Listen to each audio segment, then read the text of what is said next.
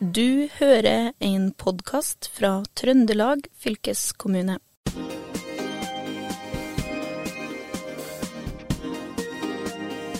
Visste du at eh, Trondheimsfjorden er Norges tredje største fjord og er over 600 meter dyp på det dypeste? Fjorden har også svært mange ulike fiskearter. Og mm, Kjetil, kan du gjette hvor mange fiskearter man tror det er i Trondheimsfjorden? Altså, Ut ifra min egen personlige magefølelse så tenker jeg tre, kanskje fire sorter. Altså torsk, sei, makrell og kanskje en laks. Men ja, kanskje 150, kanskje? Ja. Er det noe sånt? Ja, du nærmer deg, ja. Det er faktisk 150, eh, kanskje flere. Jeg har faktisk hørt av en som driver driver aktivt med fiske i Trondheimsfjorden i Skarnsundet eh, at det er eh, over 200. Men eh, han har ikke fått så mange, da. Men uansett, det er veldig mye forskjellig fisk. Og det er også veldig mye man ikke veit om Trondheimsfjorden. Og mm, derfor pågår det nå et prosjekt som har som mål å finne ut mer om den rundt 13 mil lange fjorden som går fra Agdenes til Malm. Og for å fortelle mer om dette spennende prosjektet, har vi invitert eh, seniorrådgiver Bendik Geitun Halgunset i Trøndelag eh, vannregion hit til Fylkespodden. Og aller først, eh, Bendik, hvorfor er det så viktig at vi lærer mer om Trondheimsfjorden? Det er det jo mange grunner til, men ikke minst det at det er mm, rett utafor. Den ligger rett utafor stuedøra vår. Og for å klare å bruke og forvalte og ta vare på fjorden, så må vi vite nok om den. Så det er litt av bakgrunnen. I tillegg så er den jo sånn historisk da, så er den jo helt sentral for bosetting og eh, folkeliv i Trøndelag. Eh, samfunnsutvikling helt ifra ja, kanskje så langt tilbake som til steinalderen kom de første. Og det var fjorden som var veien inn i Trøndelag, da. Iallfall denne delen av Trøndelag. Mm. Og den er lang. En stor fjord internasjonalt ja. sett. Og det er nok på topp topp ja. 15. Og når jeg sa om uh, det her med fjorden, den går fra Agdenes til Malm, det, det, er ikke, det, er ikke, alle som er helt enig i det? Nei, Det er vel ingen som er direkte uenig, men uh, den det, det finnes egentlig ikke noen definisjon på fjord så, som sådan, altså hvor den starter hen. Det må du finne et punkt i landskapet som er logisk. Og for vår del så syns vi eh, det var greit å bruke det her punktet ut med Agdenes og uh, ute på mm. Ørlandet. Da. Det er jo det folk i dagligtalen så omtales det som at folk bor eh, ved fjorden, eller at de har vært i fjorden en tur. Så da, eh, men om den egentlig starter litt lenger inn eller lenger ut, det, det har jo litt med, eh, litt med strøm og saltinnhold og, og artssammensetning. Det er mye som kan spille inn der. Men vi har valgt å sette ei sånn linje, da, sånn at vi har et område å forholde oss til i det her store prosjektet. Mm. Men, men, det som er sikkert, er i hvert fall at den eh, stopper i Malm. Ja, det er ganske sikkert i det ja. strøket der. Men uh, vi må litt inn på liksom hva uh, Vi kunne sikkert sitte her lenge da og få snakka om fjorden her, men er det veldig mye vi ikke veit om Trondheimsfjorden? Ja, det er det. Det har vist seg det nå gjennom det arbeidet her, at uh, det vi finner, det er mye kunnskap. Det finnes mye kunnskap om fjorden. Den her Biskop Gunerius er jo den første som har dokumenterbar informasjon. og Da er vi tilbake på 1700-tallet. Og så har det vært en sånn løpende, eh, løpende arbeid med fjorden, fjordundersøkelser og urfaglige undersøkelser. Men det er en fryktelig stor fjord. Det er vanskelig å dekke alt. Og det har heller ikke vært løfta opp som et uh, mål å dekke alt. Sånn at uh, du har mye punktundersøkelser, mye målserier som er avslutta og ikke gjenopptatt. Så at det helhetlige bildet viser at har, det er mye usikkerhet og det pekes det òg på i denne fine rapporten som vi har fått eh, nå, kunnskapsstatus Trondheimsfjorden, at det er kunnskapsbehov. Det er gjennomgående. Og det er jo kjølig viktig da, for å kunne gjøre gode, god forvaltning og gode mm. beslutninger. Og den rapporten er jo på 350 sider, ganske eh, lang. Eh, og hvordan ser dere for dere at den skal brukes eh, fremover? Ja, Først nå så blir det jo en stor konferanse i 29. Eh, og 30. mars. Så det blir nå kanskje det egentlige avsparket på mange måter, sjøl om rapporten eh, er ute nå. Da. Eh, men så må vi tenke litt For det første så skal det her over i en ny fase. Det er en sånn overvåkningsfase som skal gå i tre år. Da må vi sette opp et program sammen med de fagmiljøene som er aktuelle det sammen, da, på en måte. Få pågående og planlagt overvåkning eh, inn i det programmet, og avdekke hva det er behov for i tillegg. Så skal vi eh, arbeide med det. Vi har ei styringsgruppe som må ta den ballen da, i forhold til mer sånn strategisk arbeid. Men så skal vi bruke eh, rapporten direkte. Vi skal følge opp den langs tre spor. på en måte. Og det, det ene går mot forvaltning. Vi eh, har allerede begynt med å ta med oss rapporten inn i de ulike kommunene. Bruk nå denne som et grunnlag for god arealforvaltning. Bruk den for, eh, som argument i forhold til avløpsrensning og litt sånne egentlig litt tørre tema. Men det er jo det er viktig da, for fjordens ve og vel. Mm. Og så er det jo andre etater i tillegg. Du har jo Fiskeridirektorat, Miljødirektorat andre som vi vil uh, arbeide med. Og så har vi et uh, annet løp som går mot uh, offentligheten, mot allmennhet og ja, politikk det, i og for seg. Skape oppmerksomhet, rett og slett. spre budskapet. Ja, vi vet mye. miljøtestene er gode mange plasser, mener oss, men det er så stor usikkerhet usikkerhet, og det er mange negative utviklingstrekk, og det mm. bekymrer oss. Og det bør jo allmennheten være oppmerksom på. Og så Det tredje er jo fagmiljøet. De er jo allerede inne her. og der bruker oss, og De har blitt kjølig engasjert. Det var interessant.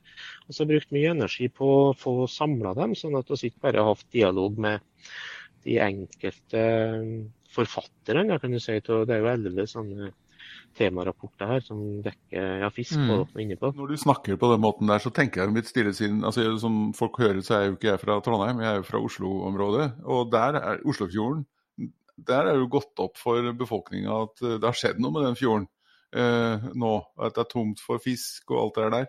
Men det er det, er det det er det sånn type rapport kanskje også dreier seg om. Altså hvordan hvordan blir det, og noen faresignaler på utviklingen da, for en jordfjord? Ja. ja. Nå er det jo ifra Det var jo fylkesutvalget som vedtok at det her skulle igangsettes. og Samtidig så lå jo Oslofjordprosjektet. Det har jo blitt lansert og presentert. Men eh, det var egentlig ikke det som var den store motivasjonen. Det var behov for å vite hvordan det står til med fjorden. Og nå i kjølvannet til Oslofjordprosjektet så ser det ut som at og står i en annen situasjon. Det er ikke så overraska over. Trondheimsfjorden eh, er i bær tilstand. Eh, men oss må gjøre grep så vi unngår å havne Det var det som var poenget mitt, at det er nå det skjer. på en måte. Det er nå ja. vi må ta ja. Det er nå det skjer. Mm, mm. Og det er store sumvirkninger, det kan også fastslå. Det er, jo, eh, det er jo på mange måter det siste hundreåret de store endringene har skjedd med befolkningsfortetting, industriutvikling, endra bruk osv. osv. Og det har konsekvenser for naturmiljøet. Det, det viser rapporten òg, uten at en kan på en måte eh, det er ikke snakk om noe økologisk kollaps eller den typen begrep som er i sving her, men det er utviklingstrekk. da. Og Så gjelder det å prøve å finne ut er det det ene eller det andre som Eh, er årsaken til det. Og da kan du jo begynne å ta beslutninger som eh, bidrar til å hindre eller reversere, mm. kanskje. Ja, for dere har, jo, dere har jo mye mm. teknologi ute i fjorden. NTNU har jo, og Sintef har vel noen sensorer og plattformer som de har satt ut for ganske mange år siden. Kan du ikke fortelle litt om hva de sensorene har samla inn av data? Ja, de er jo i drift. Eh, det er jo sånne bøyer som eh, Sintef Ocean har utvikla, og som plasseres ut. Det er jo, de er vel forbi pilotfasen, men, men tanken med det er jo at du skal ha en god mobilitet da, og, og, fleksibilitet, sånn at du kan tilpasse det utstyret og de målingene som du ønsker til enhver tid. Så du kan på en måte hekte på nytt mm. utstyr. da. De ligger jo i, i fjorden. Eh, så det er en viktig bidragsyter. Det har vel ikke kommet så mye resultat som har havnet i rapporten ennå, men det her er jo løpende, og det er bra. Så Det kommer jo hele tida oppdatert informasjon, og det gjør jo at du kan få et styrka inntrykk av hvordan eh, ja, svingninger i løpet av år, i løpet av mellom år, mm. og så videre varme år, kalde år osv. Eh, men det ligger nok litt lenger mm. fram før du kan begynne å trekke noen sånne, eh, se noen sånne sterke trekk der. Så det her eh, med å få folk ut i felt, fagfolka ut i felt, og at det finnes ressurser til å få dem ut og gjennomføre sine undersøkelser, og få gjenopptatt måleserien, det er jo, det er jo ganske jeg vet ikke om man skal si bekymringsfullt, men det var iallfall overraskende at det ikke er gjort studier på torsk i Trondheimsfjorden de siste 15 ja. åra. Det har jo vært lange måleserier her i Trondheimsfjorden. Det her uh, miljøet ute på um, Høvringen, den uh, stasjonen der som jeg har glemt navnet på nå i farten, NTNU sin, uh, de har jo hatt sånne målinger og forskning og overvåkning på torsk. Og så tok det slutt for 15 ja, år siden. Hvorfor slutta det da? På grunn til at det var Nei, det var nok eh, byttet av mannskap, rett og slett. Folk eh, gikk av og, og avslutta sin karriere. Og det viser jo at det er ganske sårbart. Det er ikke noe eh, Det er ikke så mange egentlig, du, som driver med den typen forskning og undersøkelser totalt sett. Så det, det var jo noe som det store kunnskapsmiljøet rundt Trondheimsfjorden kanskje kan eh, bidra med å åpne det. Og prøve å snakke om det. Vi eh, har det store universitetet, så har Nord universitet og andre fagmiljøer. Mye, mye, fag, mye konsulentmiljø osv. Så, videre. så det, det finnes fagkompetanse, men de må jo styre seg inn mot fjorden da, hvis de vil. Og det er det engasjement for å du, Bendik, når du, når du, snakker på den måten der, så tenker jeg jo mitt stille sinn at da jeg i hvert fall vokste opp, så fikk jeg jo daglige oppdateringer om fiskebanker og, og vær, værmelding av fiskebanker i Norge. Men det snakkes det jo veldig lite om. Kan det være noe som henger der? At vi, vi har ikke liksom fjorden og sjølivet eh, nært oss lenger? Og at, eh, ja. Nei, kanskje. Uh, det er jo interessant. Altså, denne konferansen blir jo på en måte en, det blir jo en gjennomgang til rapporten, en presentasjon til rapporten. Så kom, kom oss fram til at det kunne være litt interessant å krydre det programmet litt. da. Så vi spurt litt rundt og fått bl.a. Uh, kommer museet Kystens Arv og har et uh, foredrag under konferansen nettopp for å trekke litt i det der. Uh, fjordens betydning for uh, eh, bosetninga, ikke sant? aktivitet. altså Det her, det her fjordfisket det er jo omtrent kommet bort. Ja. Kanskje det er borte, for alt jeg vet. Og da er vi litt inne på det der, hvorfor, hvorfor blir det sånn? Ja, Kanskje er det enklere å kjøpe ei pakke i butikken nå. Det gjør jo noe med oss. Den, eh, det, samtidig så kan du kanskje fra Trondheim bare svippe en tur bort, på, bort i Trolla og fiske til en middag hver dag, egentlig. ja. Eh, og så har du kollegaer innover langs fjorden. En eh, som jeg arbeider mye med, som bor på, på Skogn. Han er ute med båt ute i fjorden og fisker sei eh, minst, minst én gang i uka. Og får ja. god, fin ja. matfisk. Ja, godt, ja. Så det er jo der òg er det jo et ja, potensial. Det er et godt tips i disse tider der matvareprisene får eh, veldig mye plass i media, og folk kanskje vurderer billigere alternativer. For det er, det er nok fisk, i hvert fall, i Trondheimsfjorden. Ja, det er det, da. Det, det, er mange fiskearter, men oss, som sagt, vi har ikke så mye kunnskap om bestandene, eh, viser det seg.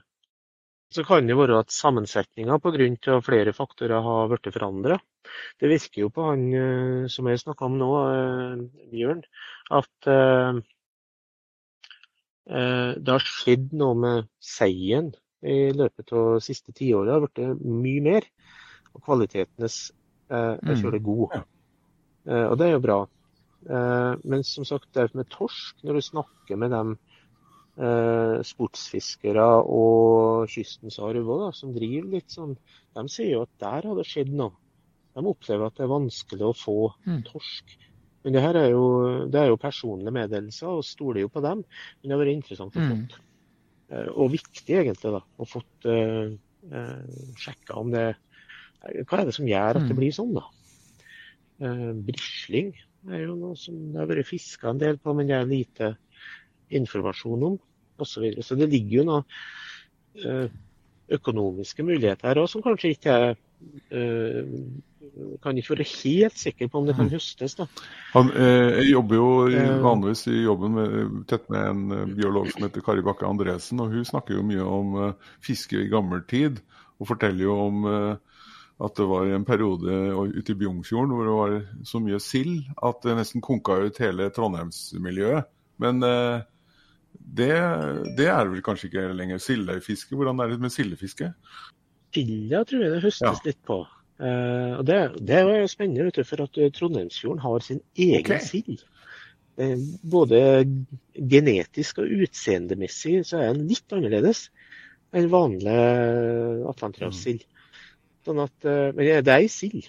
Eh, men den, den, den, lever livet sitt i Trondheimsfjorden. Og Det er jo spennende. Og den har jo vært brukt, særlig i ytre del av fjorden. og Det brukes jo fortsatt. Jeg var i Rissa en tur nå i, på sensommeren i fjor, og da var det snakk om at folk skulle ut. Da hører jeg overhører på butikken at nå var det på tide å komme seg ut og, og hekle sild. Ja. Ikke at jeg kommer fra langt inn i landet, så jeg har ikke peiling på sånne ting. Ja. Du, du, er rennbygd, du. Red, redskap. Jeg er rennbygd, Og så er det jo flere gytefelt, eh, leste jeg i rapporten, både for torsk, mm. Eh, flyndre og brisling, som du nevnte. Men er disse felta sårbare eh, per i dag? Ja, det var det, da. Eh, det er jo mye aktivitet rundt, spesielt på sørsida av fjordene. Så det er jo sånne ting som mener det må være, og som, eh, som fylkesutvalget òg mener det må være viktig å få mm. avklart. Eh, det kan jo være perioder på året òg, at det er viktig å ha kontroll. En annen, annen form for forvaltning da, mm. eventuelt. Eh, men det gjenstår litt å se. men jeg det var vel det ganske ferske undersøkelser som Havforskningsinstituttet har gjort, og de finner mye gytefelt mm. i fjorden. Som delvis er forbundet med mm. hverandre. Uh, og det var bl.a. Ja. torsk. da. Uh, så uh, det tyder jo på at det er foregår en ting. Men det er jo litt sånn Jeg sa det en gang her i høst, når det her virkelig begynte å ta form. da at eh, jeg opplevde det litt som å stå eh, Som å gå på sirkus og stå på utsida. Du ser på fjorden, og så eh, Du vet egentlig ikke Du skjønner det er noe som skjer der, men du vet ikke helt hva mm. som foregår. Jeg tror å står litt i en sånn situasjon ja. mm. eh, nå. Vi vet at det er torsk der, vi vet det er sei der, vi vet at det er mye mm. fugl. Eh, at det er arealbruk. Så det, men så er det den her Forstår oss det i sammenheng? Prøver oss å forstå det i sammenheng. Det gjør oss i alle fall et forsøk mm. på noe. Da. Og Det er jo spennende. Det er kjølig dypt i ja. Trondheimsfjorden. Det var en jeg snakka med som mente at uh, det, det, er jo ikke den, er ikke den fjorden som er djupest. Det er jo Sognefjorden. Men han mente at gjennomsnittsdypet er størst i Trondheimsfjorden. Ja, Det er vel kanskje grunnen til at eh, Trondheim i sin tid fikk noen sånn dispensasjon eh, om, eh, fra EU, var det ikke det? På mm. sånn uh... Ja, det var jo en uh, dragkamp der om avløp ja. til fjorden. da. Uh, for det er jo noen krav i EU og EØS-avtalen om rensing. Ehm, men det ble jo eh, til slutt landa med forklaring rundt de gode strømforholdene i fjorden og store vassvolumet. Så det begrensa grensekravene, da. Mm. Eh, men etter det, ja. Det er jo eh, billigere for oss som bor i Trondheim, naturligvis. Men om det, det er kanskje verdt å Mm. Men etter, jeg har bladd litt i den rapporten, og det jeg syns var mest uh, spennende, uh, det er jo det her med koraller. Uh, for det, det, er jo koraller ja. som er like fargerike og viktige som de vi finner i mer sånn tropiske strøk. Og så skal visst også Trondheimsfjorden ha verdens grunneste kaldtvannskorallrev. Stemmer det? Ja, det stemmer nok det. De som er fine, ja. i hvert fall. Ja. De er ganske store. Så, så, er det en del sånne veggkorall, eh, veggvoksende koraller. Ganske store bestander av det, innover mot Skarnsundet f.eks. Der de eh, finner seg mer eller mindre loddrette partier, og så vokser de. Det blir jo ganske spesielle.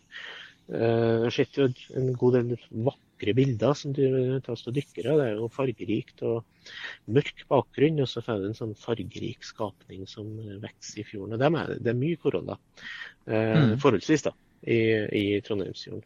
Så må du litt dypere ned enn det som eh, eh de fleste som svømmer, da. Hvis det er noen som Det er vel ikke så mange som hæler og svømmer i Trondheimsfjorden, men noen ganger, ja. kanskje. Eh, så du ser dem ikke vanligvis. Og, og, de er verna da på samme måte som uh, tropiske koraller? Mm. Ja. ja. Det er en del uh, rev som er verna, ja. Og det, det, er jo et uh, smart grep da, for å hindre at det skjer tråling og bygging, trekking av kabler mm. og sånne ting.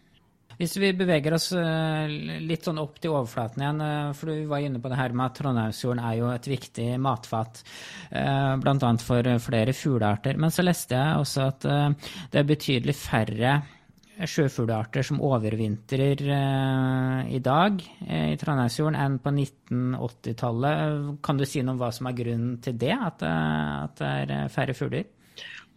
Nei, og det det står det jo heller ikke noe altså De, de er varsomme med å konkludere eh, i, i, rapporten. Men ja, hvis du leser hele, så ser du jo at det er noen sånne utviklingstrekk. og det er jo En sånn gjenganger er jo det her med areal. Endre arealbruk.